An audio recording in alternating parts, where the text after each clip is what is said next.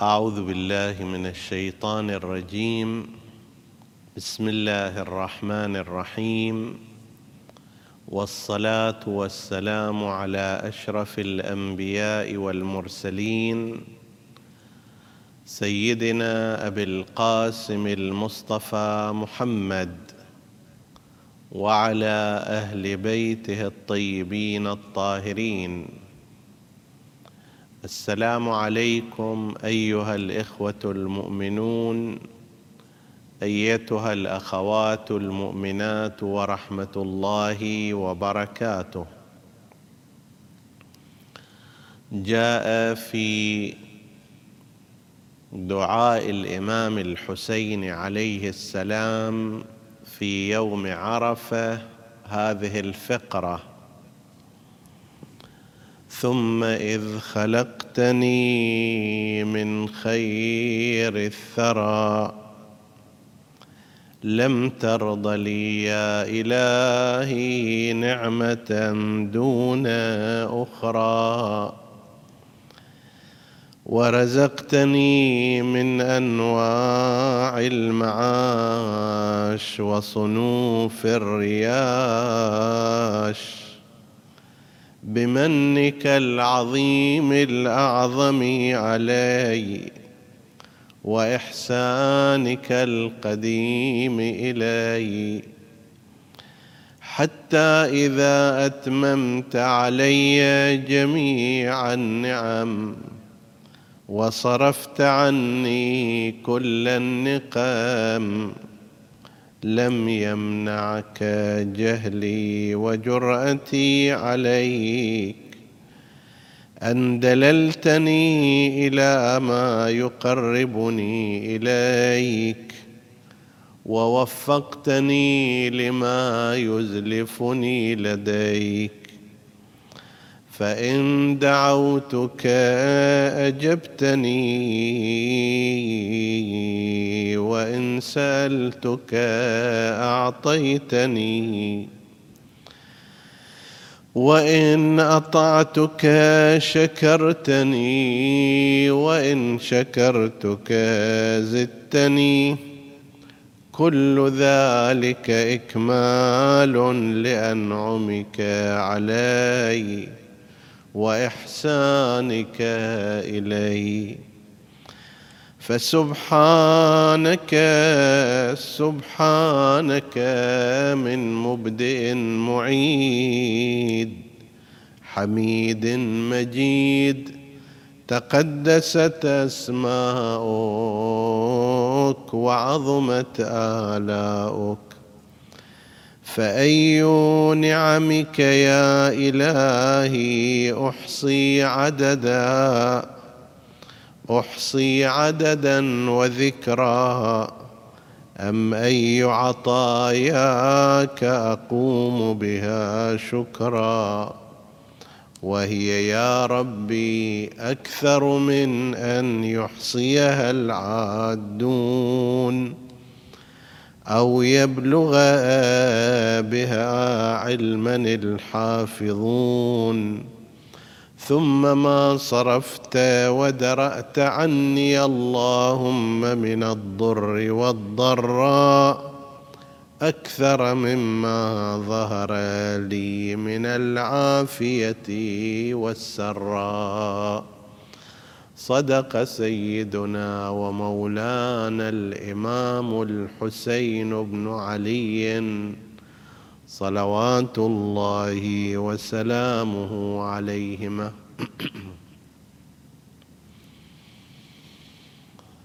سبق الحديث أن الإمام عليه السلام يعدد العناوين الكبرى في نعم الله على الإنسان من أجل أن يوجهه إلى عظمة هذه النعم. ويترتب على ذلك أن معرفة الإنسان بأنعم الله عليه يفترض أنها تسوقه إلى شكر منعمه. وقد حدد الشكر المنعم بعبادة الله عز وجل كما جاء بها كما جاء بها وبطريقتها الأنبياء والرسل. فبدأ كما ذكرنا فيما مضى بالحديث عن أن نعمة الباري على الإنسان سبقت وجود الإنسان وإيجاده بمراحل زمنية سحيقة جدا. ثم تابع الله سبحانه وتعالى نعمته عليه في إيجاده وخلقه وهيأ له الأجواء المناسبة لكي يحيا ولكي يعيش وأكمل وأتم خلقته في جميع أعضائه. في أحسن تقويم وأجمل شكل. ووفر له النعم من حوله وعطف عليه قلوب الحواضن كفله الأمهات الرواحم إلى غير ذلك مما سبق ذكره ثم امتن الله عليه بأن دله على خالقه وهداه إلى بارئه لكي يحقق غاية وجوده وكمال عبوديته لربه بل كمال هدف خلقته. هذه الفقرة تتناول جوانب أخرى من النعم الإلهية والمنن الرحمانية. الدعاء يقول ثم إذ خلقتني من خير الثرى لم ترض لي يا إلهي نعمة دون أخرى.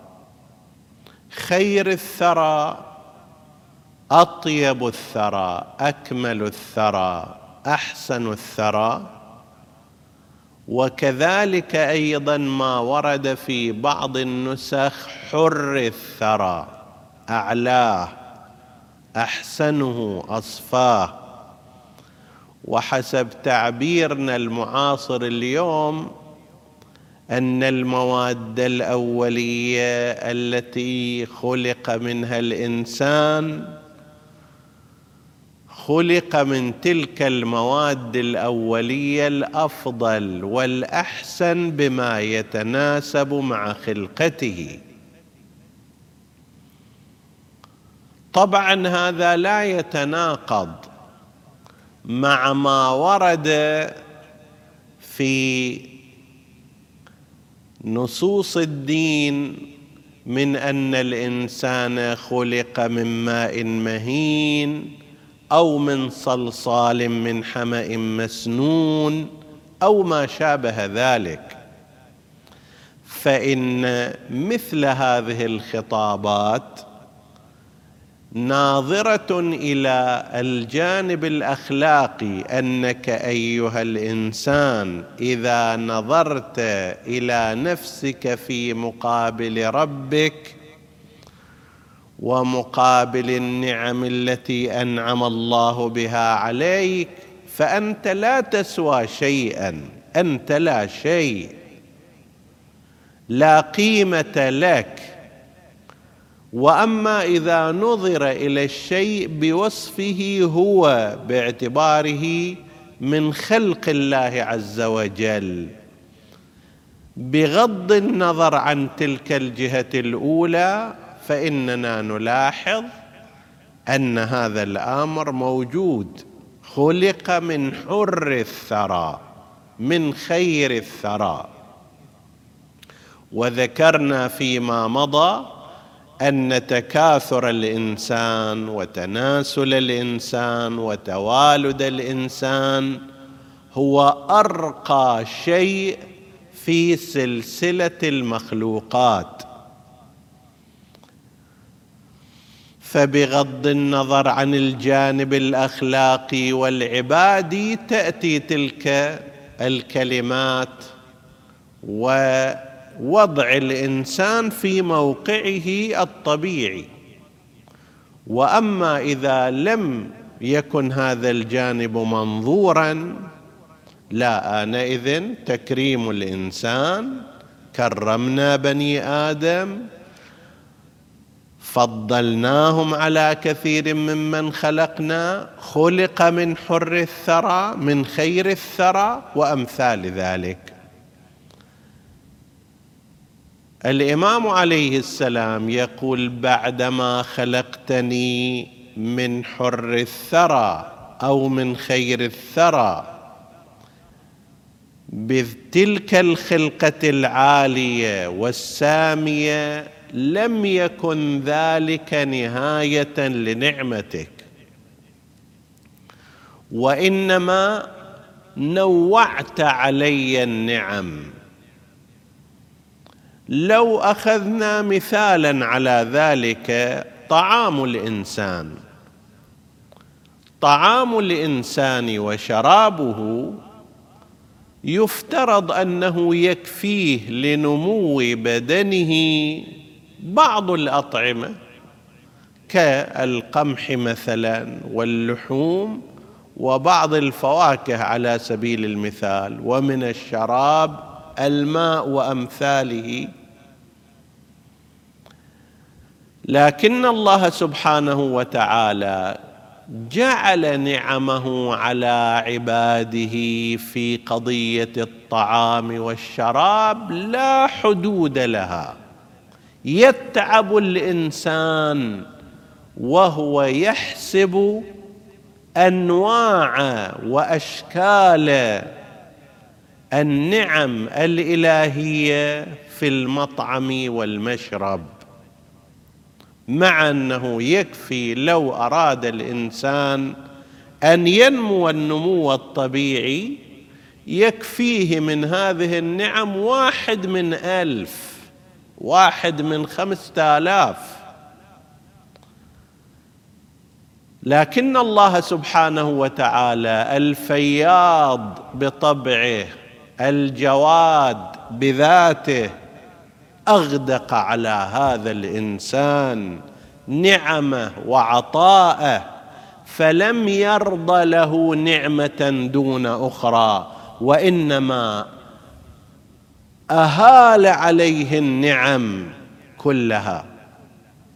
أعطاه هذه العطايا بلا حدود.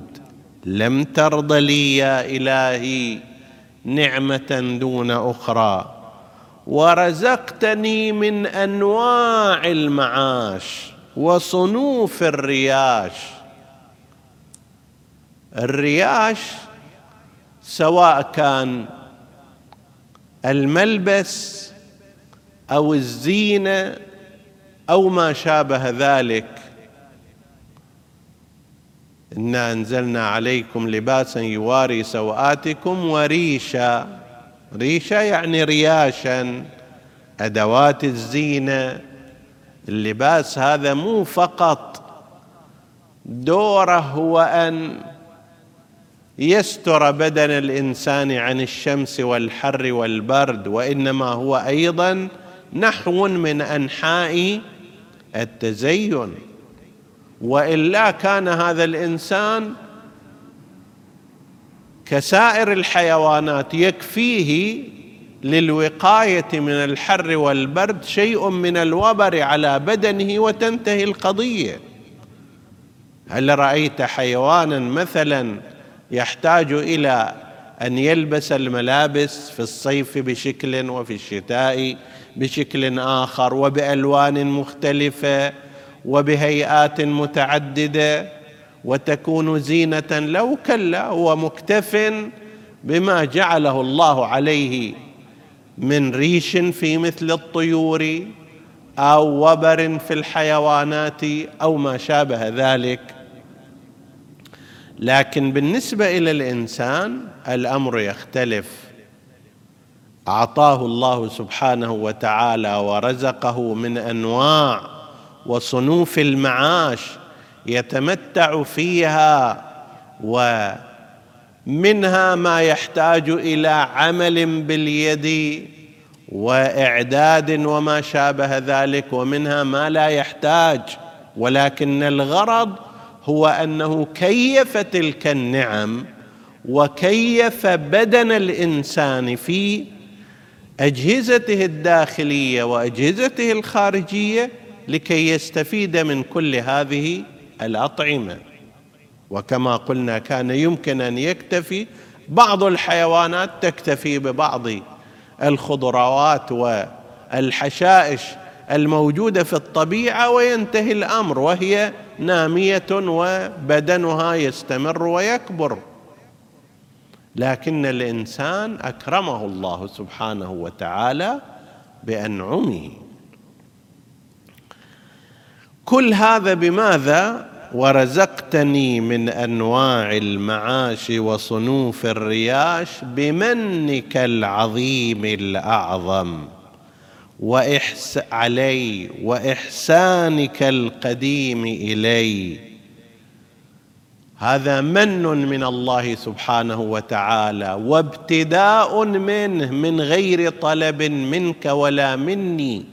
ومن غير استحقاق فهو إحسان.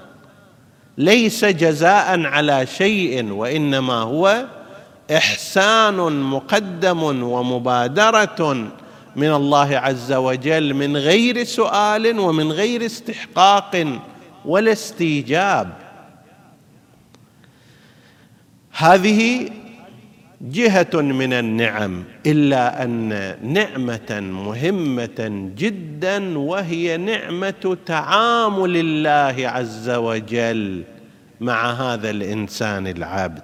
حتى إذا أتممت علي جميع النعم وصرفت عني كل النقم وهذا أيضا بحث آخر أنه ما صرف الله سبحانه وتعالى عن الإنسان من الضراء من النقمات من الحوادث من الأخطار سواء الصرف الطبيعي بتمكين الإنسان نفسه بأن يدافع عن نفسه. وضع في الإنسان قدرات عقلية بدنية بل جسمية داخلية بحيث هذا البدن يستطيع أن يدافع عن نفسه من أصغر الفيروسات إلى أكبر ما يهاجمه. حتى اللي أعظم منه في الخلقه بمرات أعطى الله سبحانه وتعالى هذا الإنسان العقل الذي يستطيع أن يتصرف ويطوع ذلك العدو.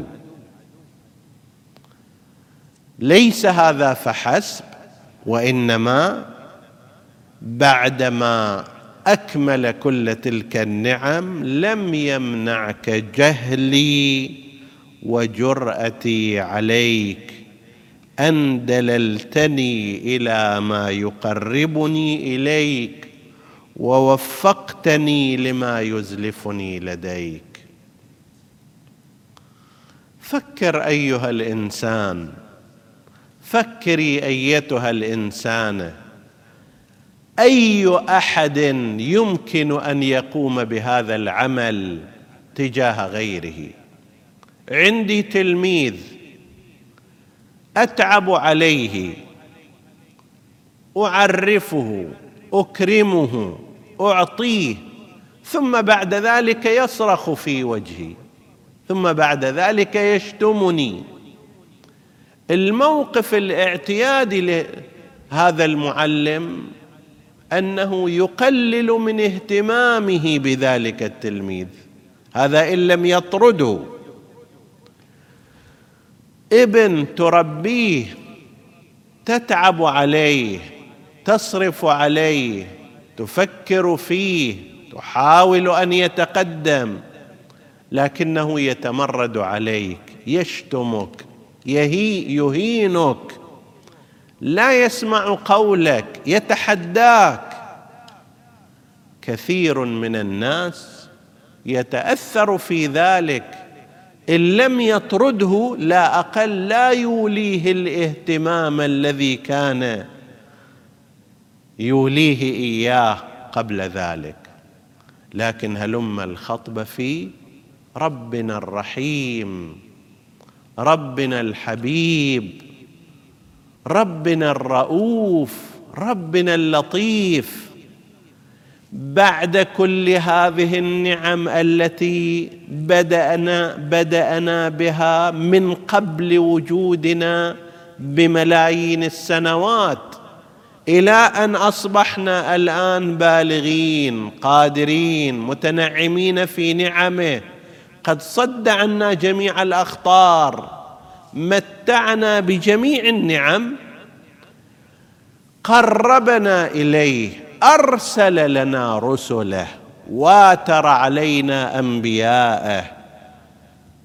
كم ضحى هؤلاء الأنبياء؟ من أجل إنقاذنا. من أجل سلامتنا من أجل حياة في الدنيا سعيدة لنا ونهاية في الآخرة خالدة في الجنة لنا. بعضهم نشر بالمناشير بعضهم قتلوا بعضهم أحرقوا. نبينا المصطفى صلى الله عليه وآله أثر عنه قوله أنه ما أوذي نبي مثل ما أوذيت. كل هذه القافلة أرسلها الله سبحانه وتعالى لنا نحن البشر لك أنت ولي أنا. وليس لدينا ليس لنا حق على الله في ذلك. لكنه تفضل ومن ومنح وأحسن وأعطى. ها نحن نبارز الله سبحانه وتعالى. ها نحن لا نعترف له بألوهيته وربوبيته. ها نحن لا نطيعه فيما أمر. نتقحم مواضع غضبه. نتحداه غيرنا من العباد لو هددنا بشيء نلتزم مثل الساعة. وربنا سبحانه وتعالى يهددنا بغضبه وجهنمه وكأن شيئا لم يحصل ولا نبالي.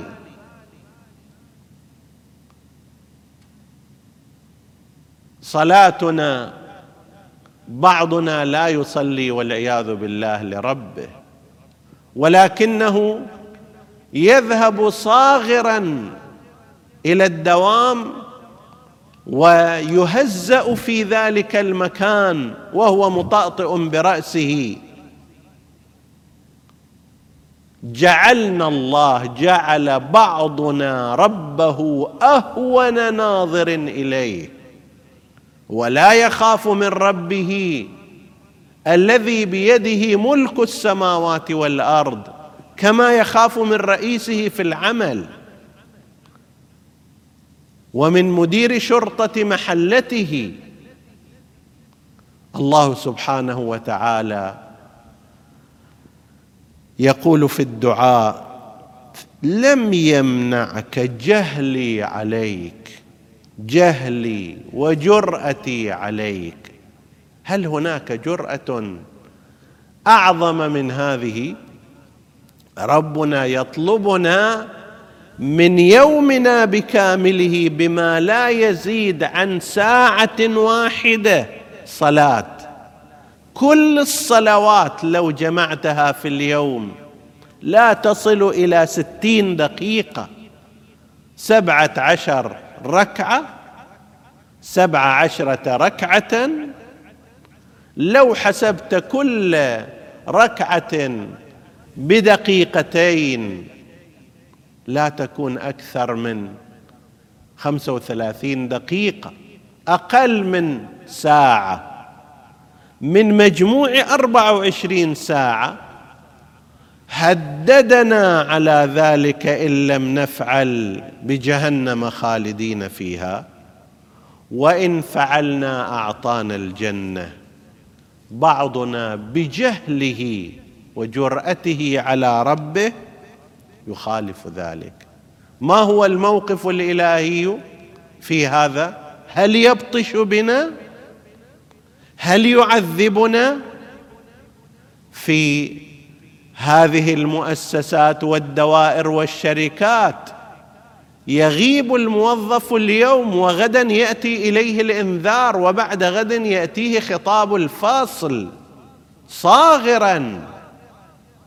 وربنا سبحانه وتعالى يصبر علينا السنة والسنتين والعاشر والعشرين ويقول تب وارجع. لم يمنعك جهلي عليك جهلي وجرأتي عليك. أن دللتني إلى ما يقربني إليك. أخبرتني عن طريق التوبة. قلت لي قم في جوف الليل وتوسل إلى ربك وقل أستغفرك ربي وأتوب إليك. اذرف دمعة ندم حتى ترجع إلى الله. اقض ما عليك حتى تذهب إلى الجنة. قل يا رب أعني على الرجوع إليك. ووفقتني لما يزلفني لديك. صير عندي زلفة قربة اطوي هالمسافات من البعد التي صنعتها أنا بنفسي. ما هي تفاصيل ذلك؟ فإن دعوتك أجبتني. العادة بين الناس عندما يسيء أحدهم إلى آخر ثم يأتي اليه ويطلب منه حاجة عادة يقول له الآن في الصيف ضيعت اللبن الآن جاي نسيت ما صنعته بي نسيت الشتائم التي وجهتها إلي وين كنت هذه المدة؟ سنوات. لكن ربنا سبحانه وتعالى يا من بابه مفتوح لداعيه في أي وقت من الأوقات. أتيت؟ هذا الباب مفتوح لا يوجد هناك دوام معين. لا تحتاج أن تذهب في غير وقت العطلة. لا تحتاج أن تذهب بدءا من الساعة الثامنة أو التاسعة عندما يأتي المدير. في أي وقت من الأوقات. على أي حال كنت. فإن دعوتك أجبتني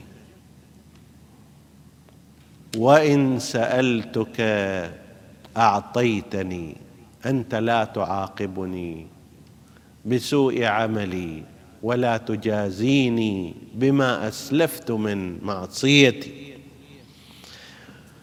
بعد وإن أطعتك شكرتني مع أن الطاعة والعبادة هي حق الله علي ولو لاجل هذه النعم. ما تحتاج إلى أن يشكر الله عبده لكن الله سبحانه وتعالى يشكر عبده وعباده الطائعين. وإن أطعتك شكرتني.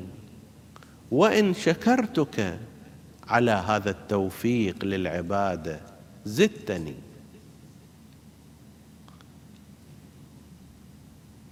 كل ذلك إكمال لأنعمك علي وإحسانك إلي. أنت قديم الإحسان وليس إحسانك حادثا قبل وجودي كنت محسنا لي. أثناء تكوني كنت محسنا لي. بعد ولادتي كنت محسنا لي. حين نموي كنت محسنا لي. حين عصياني كنت محسنا لي يا رب. وكل هذا الذي تصنعه يا رب عندما أناديك تجيبني أدعوك تعطيني أسألك تعطيني. عندما أطيعك تشكرني عندما أشكرك تزيدني. هذه زيادة في النعم السابقة. أنا مو لم أكن مستحقا لها لكنك أنت أهل الكرامة. أنت أهل الجود. أنت أهل العطاء. فسبحانك سبحانك لا يخاطب أحد. مهما علت مرتبته إلا ربنا سبحانه وتعالى بسبحانك. سبحانك يعني أنزهك عن كل نقص عن أي عجز. عن أي جهة سلب فيك. أنت منزه عن البخل أنت منزه عن الظلم أنت منزه عن النقص. أنت الكمال وفوق الكمال ويحار الكلام في صفاتك يا رب العباد. فسبحانك سبحانك. من مبدئ معيد هناك بعض الناس يبدأك بالنعمة ولكن فيما بعد يتركك لحال سبيلك. يقول أنت أصبحت قادرا على كسب رزقك ولكن الله سبحانه وتعالى يبتدئك بالنعمة ويعيدها عليك. ولا يتركك ابدا إلى آخر لحظة في حياتك. حميد مجيد تقدست أسماؤك وعظمت آلاؤك. فأي نعمك يا إلهي أحصي عددا؟ أو فأي نعمك يا إلهي أحصي عددا؟ وذكرى وأي عطاياك أي عطاياك أقوم بها شكرا. هل مقدار الذي عددته؟ وهو إلى الآن لا يزال في مطلع الحديث في الدعاء. ماذا أستطيع أن أقوم به؟ أصل وجودي هل أستطيع أن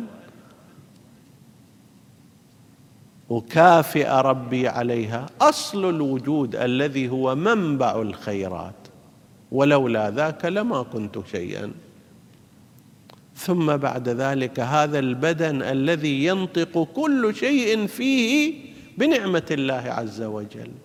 عينك تنطق بنعمة الله سمعك شمك ذوقك يدك رجلك أولك آخرك أعضاؤك الداخلية أعضاؤك الخارجية كلها ناطقة بحمد الله والثناء عليه.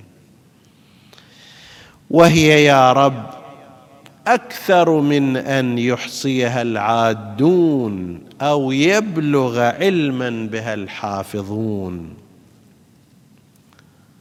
وإن تعدوا نعمة الله لا تحصوها. ثم ما صرفت وذرأت عني اللهم من الضر والضراء أكثر مما ظهر لي من العافية والسراء.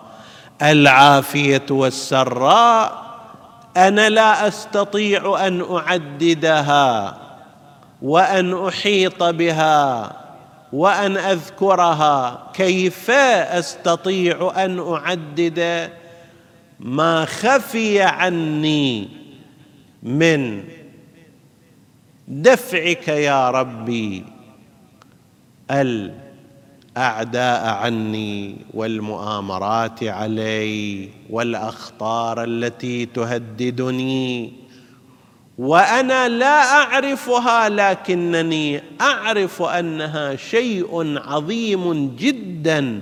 أنت سترته علي وسترته علي أيضا هو نعمة لأن شعور الإنسان أنه يأتيه هذا السهم.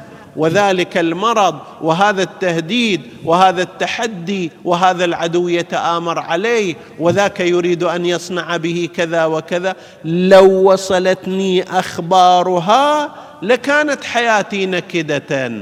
لكنك يا رب دفعتها عني ولم تحطني بها علما. نسأل الله سبحانه وتعالى أن يجعلنا من خير عباده ومن صالح عباده وأن يهب لنا حبه وحب عبادته وأن يكرمنا بشكره وشكر نعمته إنه على كل شيء قدير. وصلى الله على سيدنا محمد وآله الطاهرين.